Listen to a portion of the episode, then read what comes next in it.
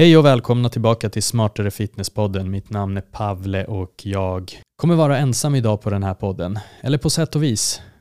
Um, jag är ensam här i rummet och uh, förklaringen till det är att jag är sjuk och jag vill inte smitta David och vi hade inget inspelat som jag kunde lägga upp nu den här torsdagen utan uh, jag vill inte smitta honom för han är mitt inne i sin, sitt bokprojekt. Jag är fortfarande lite krasslig. Så jag uh, och han kom på den här briljanta idén att jag kan ju bara ta den här lilla, lilla introt och sen så spelar jag upp ett av våra mest populära avsnitt. Och det avsnittet är med ingen mindre än min tjej Martina som pratar om hennes ätstörning och det är ett avsnitt från december 2020. Eh, den finns i både del 1 och del 2 så vill du lyssna på hela det avsnittet så kan du eh, söka smartare fitness livet med en ätstörning och eh, då kan du få höra hela, både del 1 och del 2 jag vill bara disclaima att, och det sa vi också i det avsnittet, det är att vi är inga läkare, experter, psykologer eller egentligen, eh, vi ger egentligen inte några råd kring ätstörningar. Vi vill bara ge lite perspektiv, vi låter henne prata om hennes erfarenhet, uppfattningar eh, och ja, vad hon har gått igenom. Så kan man ha det lite som ett perspektiv, med det, med det sagt är det inget expertråd. Här kommer Livet med en ätstörning med Martina. Stay tuned.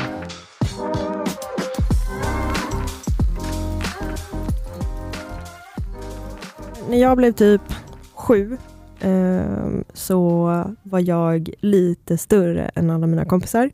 Och jag var inte på något sätt överviktig, utan det var bara så att jag hade väldigt små kompisar, petita vänner. Så när jag jämfördes med dem så såg jag stor ut och då var det ganska många som påpekade det. Eh, jag kallades för det här klassiska ordet mullig som jag hatar att man använder, men det var ofta så jag beskrevs. Ehm, och det satte sig. Eh, eller jag brydde mig faktiskt inte speciellt mycket från början alls. Jag, eh, jag var glad. Jag var en glad, en glad ung tjej. Men ehm, när det är tillräckligt många som talar om för en att ens kropp är fel eller inte normativ, skulle jag väl kanske idag eh, klassificera det som. Så till slut så sätter det sig. Så ju äldre jag blev, ju mer eh, började jag reflektera kring min kropp och eh, vad andra sa om den. Um, och jag tror att jag kanske var mest medveten i högstadiet och då var jag, jag var 13 år gammal. Det är ingen ålder. Man ska inte behöva bry sig om sin kropp när man är 13. Och allra värst blev det på gymnasiet. Um, och jag fick, en, jag fick anorexia när jag var 17. Och sen när jag var 18, kanske 19, så fick jag bulimi. Nu vet ju jag det här för att du har berättat det här tusen gånger för mig, men kan du berätta lite vad liksom själva, alltså så här, vad, vad, gjorde du?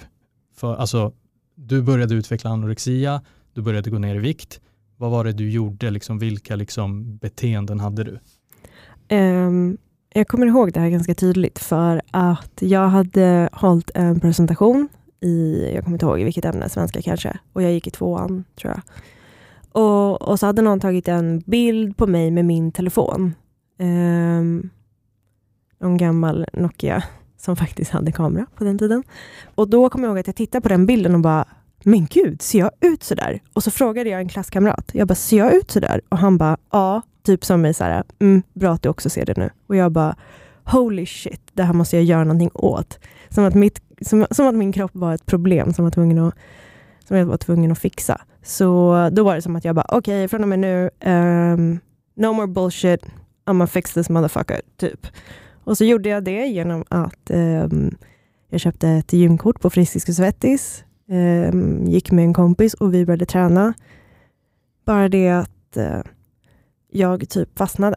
Eh, jag började gå på, jag hängde inte bara i gymmet utan jag började gå på pass. Jag bokade upp mig på pass varenda dag.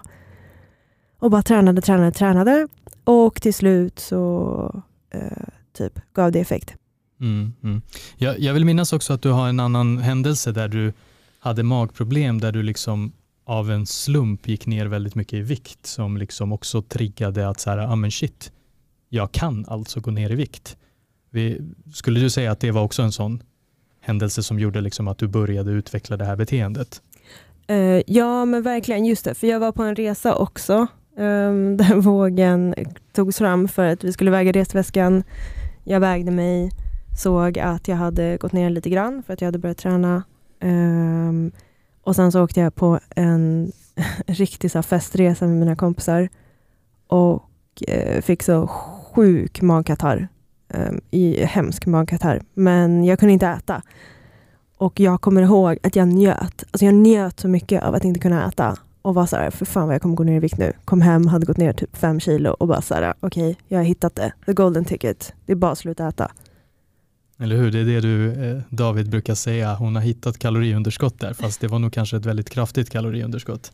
Exakt. Det är, det är ju, alltså det är, det är många små saker verkar det som. Att det är liksom först lite små kommentarer, lite små insikter med att du inte kanske ser ut som alla andra då, där och då när du var liten. Och sen kom du också på lösningen. Ehm, och eh, det här är en av anledningarna till att jag, till exempel när jag säger kaloriunderskott hela tiden, ändå nu på senaste, eller senaste åren, senaste ett, två åren börjar vara väldigt tydlig med det här. Eh, liksom riktlinjer på hur mycket man ska tappa. Alltså bara för att man säger kaloriunderskott så eh, kan ju det tas väldigt fel. Även fast det är svaret, liksom. det finns inget annat svar. Men enbart kaloriunderskott kan vara lite tomt. Uh, och, och, därför är det väldigt viktigt att man, alltså till exempel, ja men kaloriunderskott uppnås av att man äter mindre eller rör på sig mer. Men att ge det tipset bara så kan vara väldigt fel. För att någon person kanske äter uh, ja, men superlite. Då kan de inte äta mindre. Eller Den snabbaste person... vägen blir ju liksom att man ja, men om jag då slutar äta, då intar jag inga kalorier och om jag på det också rör på mig, då är det ju världens underskott. Alltså jag tänker liksom att man, man vill ju ha quick fixes, det är det.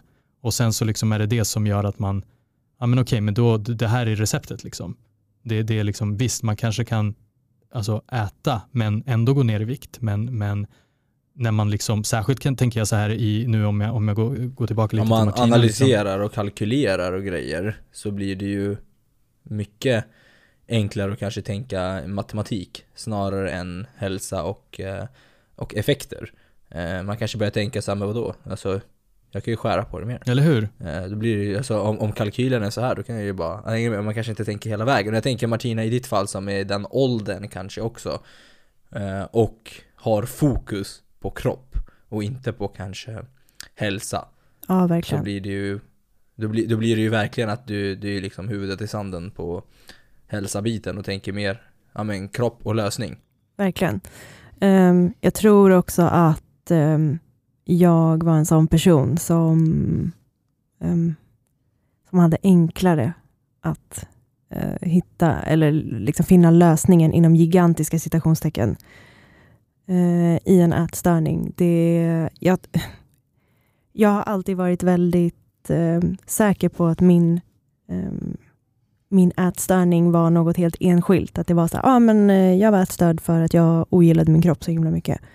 Men eh, ju äldre jag blir så börjar jag snarare tro att min ätstörning skedde som någon form av sätt för min hjärna att värja sig för andra känslor. Um, jag tror absolut att samhället och kommentarer och allt det där bygger på. Men jag tänker också att jag, just jag, hade en större benägenhet att hamna där. Um, för att det var ett sätt för mig att liksom kontrollera min tillvaro. Jag träffade ju dig när du var under en behandling. Kan du berätta liksom vad som gjorde att du liksom insåg att nej, men alltså det här, jag måste göra någonting. När, vad, vad ledde till att du liksom ändå, för det, det vill jag väl ändå liksom säga och ge dig väldigt mycket cred för, du tog tag i det och bara, nej men jag måste ju få hjälp för det här. Kan du berätta liksom, vad, vilka omständigheter gjorde att du liksom ändå valde att göra det?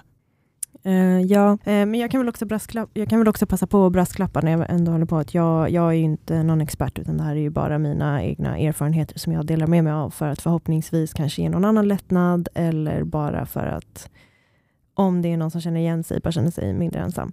Men ja, vad som fick mig att söka hjälp. Um, grejen är att det tog ganska lång tid innan jag började söka hjälp.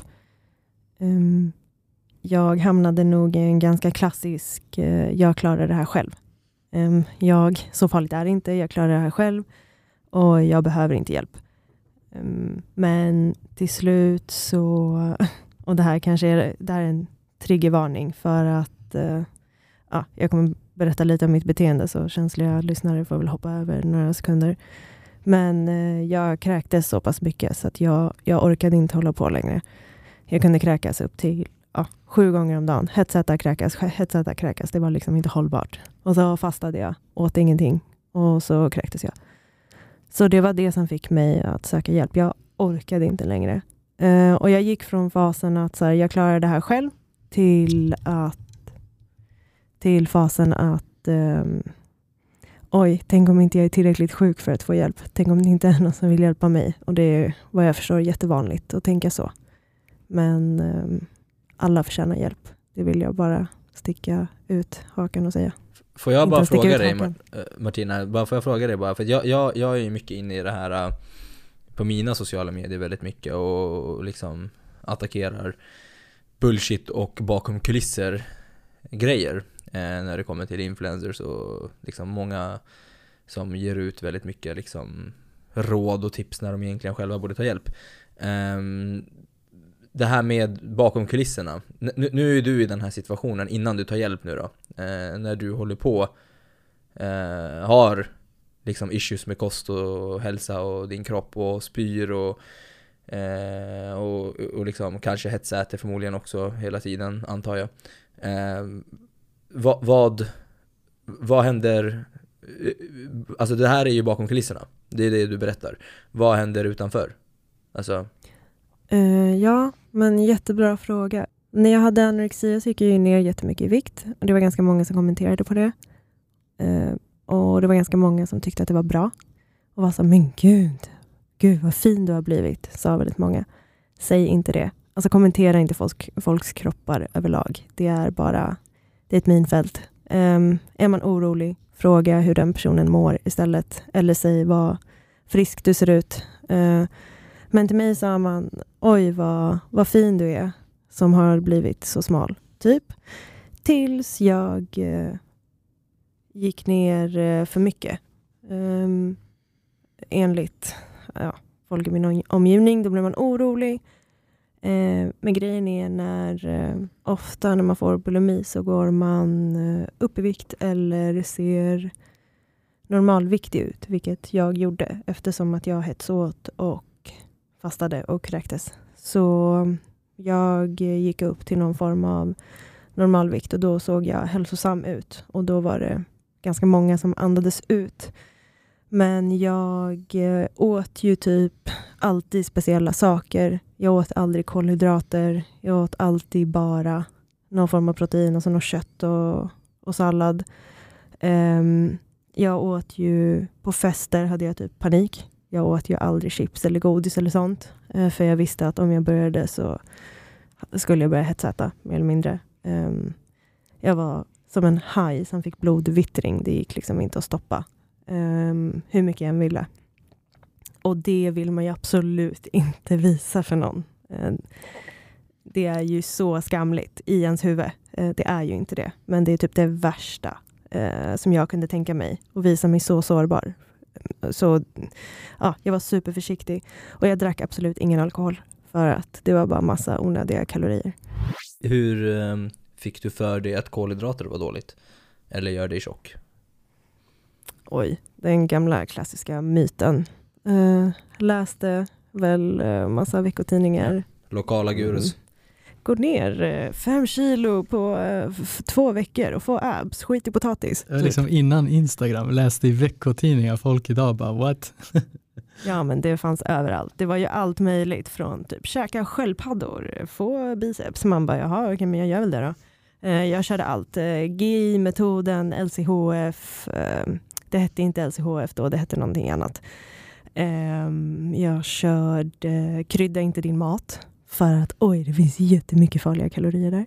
Men, men du, jag tänker bara på en grej, någonting som jag har varit super, super nyfiken om och det här har jag faktiskt försökt analysera på mig själv. Jag har ju också varit förmodligen lite smått ätstörd efter mina fitnesstävlingar och allting och hetsätit och allt det här. Skillnaden var väl att jag var väl cool som kunde äta så mycket, eh, mer så. Eh, men, men jag har själv analyserat en grej som, som jag har försökt fatta. Eh, och jag tänker om du kanske kan ge perspektiv på det. Jag har inte löst mitt, mitt, mitt, egna, alltså min egna frågetecken där. Men någonstans så säger du, ja men alkohol till exempel, nej, men det är onödiga kalorier. Och, och, och jag, jag vill ändå minnas att jag också någon gång har tänkt så ja ah, men det här innehåller så här mycket kalorier. Men av någon jättekomisk anledning så var man ändå rädd för kolhydrater eller eh, frukt eller fruktos. Och jag fattar inte hur det inte kunde klicka att kalorier var grejen. Eh, jag tror, alltså såklart okunskap framför allt, men jag tror att det... eh, Jag vet inte, men jag tänker att jag, jag tänkte att typ vissa kalorier satte sig olika på kroppen, typ. Ja, men det är, Ehm. det är bullshit och myterna, det är det det handlar om. Ja. Ja, ja jag, jag tror absolut det. Och sen så tror jag också att eh, det är så mycket enklare om det finns en, någonting som funkar. Det är så jävla mycket enklare om, om, eh, om jag skiter i att äta potatis så, är- så, så kommer jag gå ner i vikt eller bli rik eller vad det nu än är man har för fixering. Det är... ehm, ja, men det är desperathet i det. Ja. ja, men, men, men jag tänker också alltså det här att det finns något recept. Liksom. Jag, tror att det är så här, jag tror att folk kanske tycker att det Ibland, är man liksom, ibland vill man göra det lite komplicerat. Så här, ah, men gör så här, ät det där men inte det där, ät, ät X, Y, Z men inte det där. Istället för att bara liksom så här, det finns en enda grej som är liksom viktig där. Ska du gå ner så behöver du liksom ett underskott i energi. Men jag tror att det är liksom, dels, alltså vi har varit inne på den här podden, liksom, att det kanske inte är så enkelt att förstå alltid hur man hamnar i ett energiunderskott. Men också tror jag det här att man bara vill ha liksom det här receptet. Liksom någonting så här, någonting som är liksom mer greppbart. Ja men potatis, nej det är dåligt. Men Facit ja, facit i hand. Ja, li, li, Ja. lite så precis. För annars måste Och- man hålla på och översätta allt med kalorier och så. Och då var vi tillbaka i Smartare Fitness-studion med mig Pavle här 2023 i februari. Hoppas du gillade de här snuttarna, de här highlightsen från avsnittet. Vill du lyssna på hela avsnittet så kan du söka enkelt i din podcast-app. Um, Smartare Fitness, livet med nätstörning. Då kommer båda avsnitten upp och det är ganska mycket mer info. Många fler minuter, så in och lyssna där. Det här är två av våra mest populära avsnitt eh, någonsin faktiskt. Så gör det. Och eh, har du inte gjort det hittills, lämna ett omdöme för fan. Alright, ha det bra. Tjabba.